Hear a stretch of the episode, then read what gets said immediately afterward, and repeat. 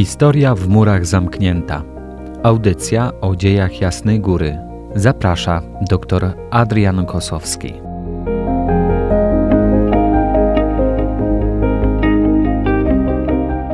Szczęść Boże. Witam wszystkich słuchaczy w trzecim odcinku audycji Historia w murach zamknięta.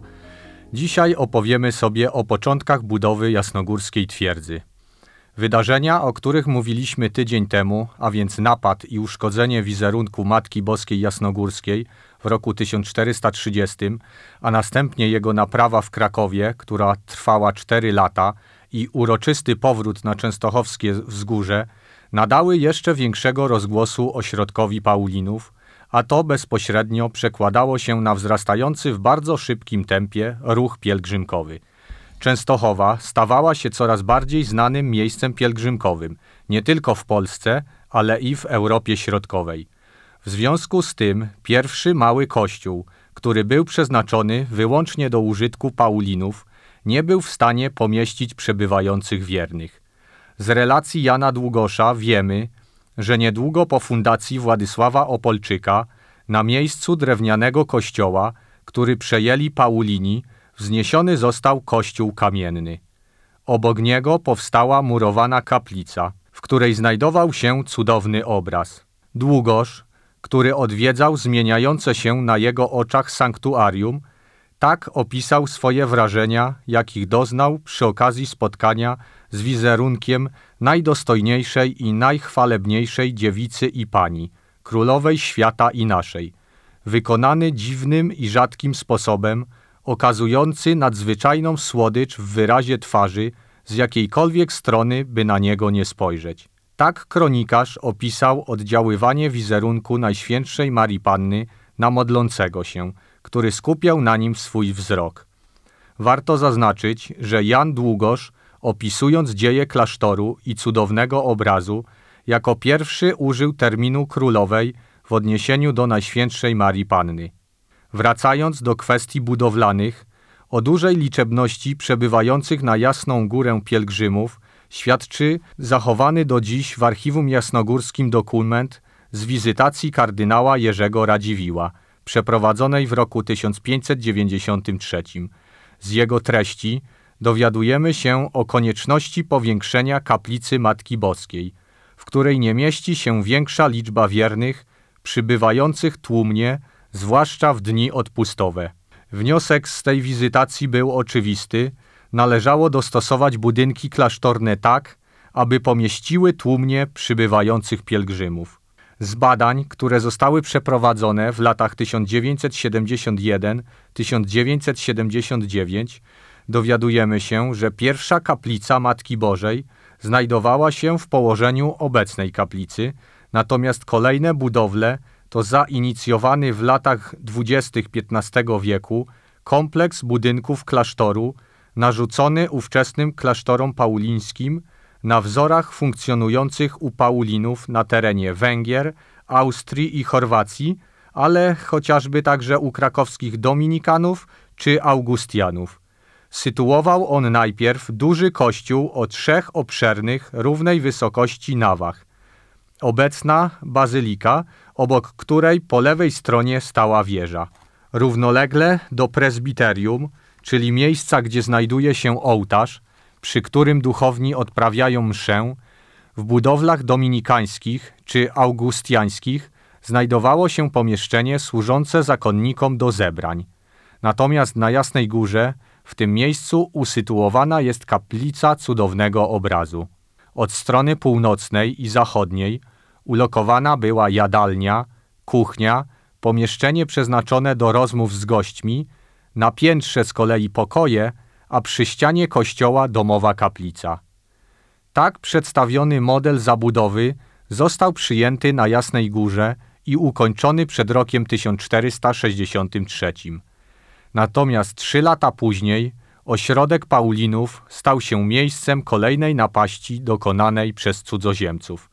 W 1466 roku król czeski Jerzy Podjebrat wysłał oddział wojska do zaatakowania Wrocławia.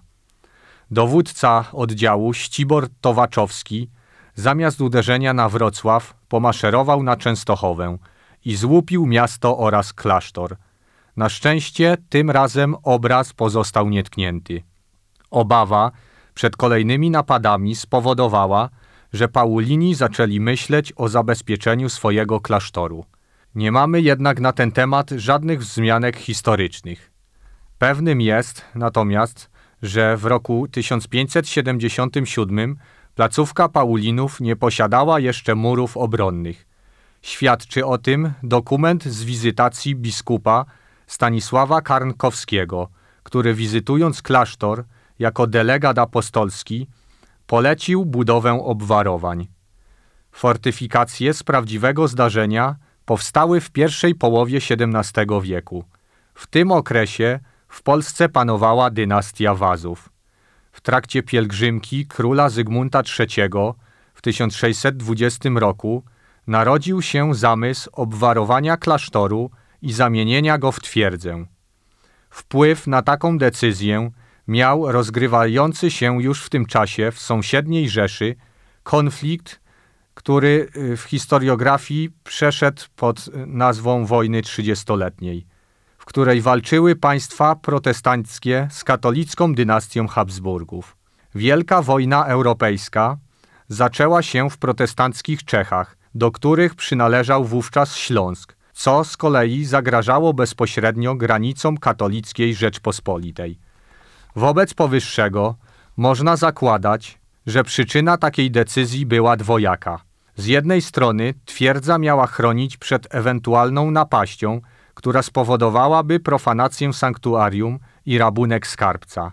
Z drugiej jednak strony tak ufortyfikowany zespół sakralny postanowiono włączyć w skład linii obronnej Jury Krakowsko-Częstochowskiej. To właśnie na tej podstawie podjęto decyzję o otoczeniu jasnogórskiego wzgórza nowoczesnymi fortyfikacjami bastionowymi, na wzór tych, które w tym czasie stawiano przy zachodnich granicach Rzeczypospolitej. Wykonanie nowoczesnych fortyfikacji bastionowych było bardzo kosztowne, wymagało zakrojonych na szeroką skalę prac budowlanych, a także przemieszczania wielkich ilości ziemi. Król Zygmunt przysłał na Jasną Górę swojego architekta nadwornego, który w latach 1620-1621 sporządził plany forteczne, które zostały zrealizowane jedynie prowizorycznie. Do roku 1624 w pierwszym etapie prac zespół klasztorny otoczono murem z bramą, nie usypując jednak wałów. Budowę umocnień finansował zarówno monarcha, jak i zakon Paulinów. W 1631 roku zakonnicy zawarli umowę z mieszczaninem krakowskim, której celem było wymurowanie ściany fortecznej od strony zachodniej, na wprost bramy klasztornej. Na rogach miała mieć baszty.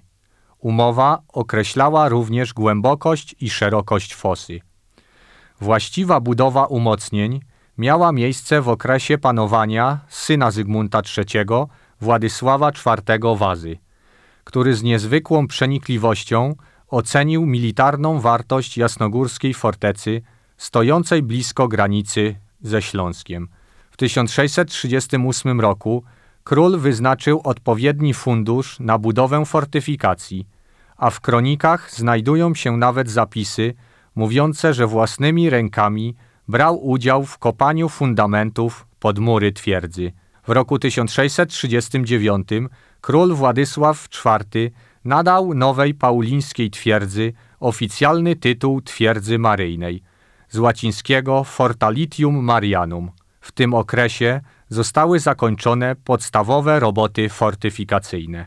Twierdza jasnogórska należała do założeń obronnych typu Palazzo Fortezza, gdzie funkcję pałacu pełniły budowle sakralne wraz z zabudowaniami klasztornymi.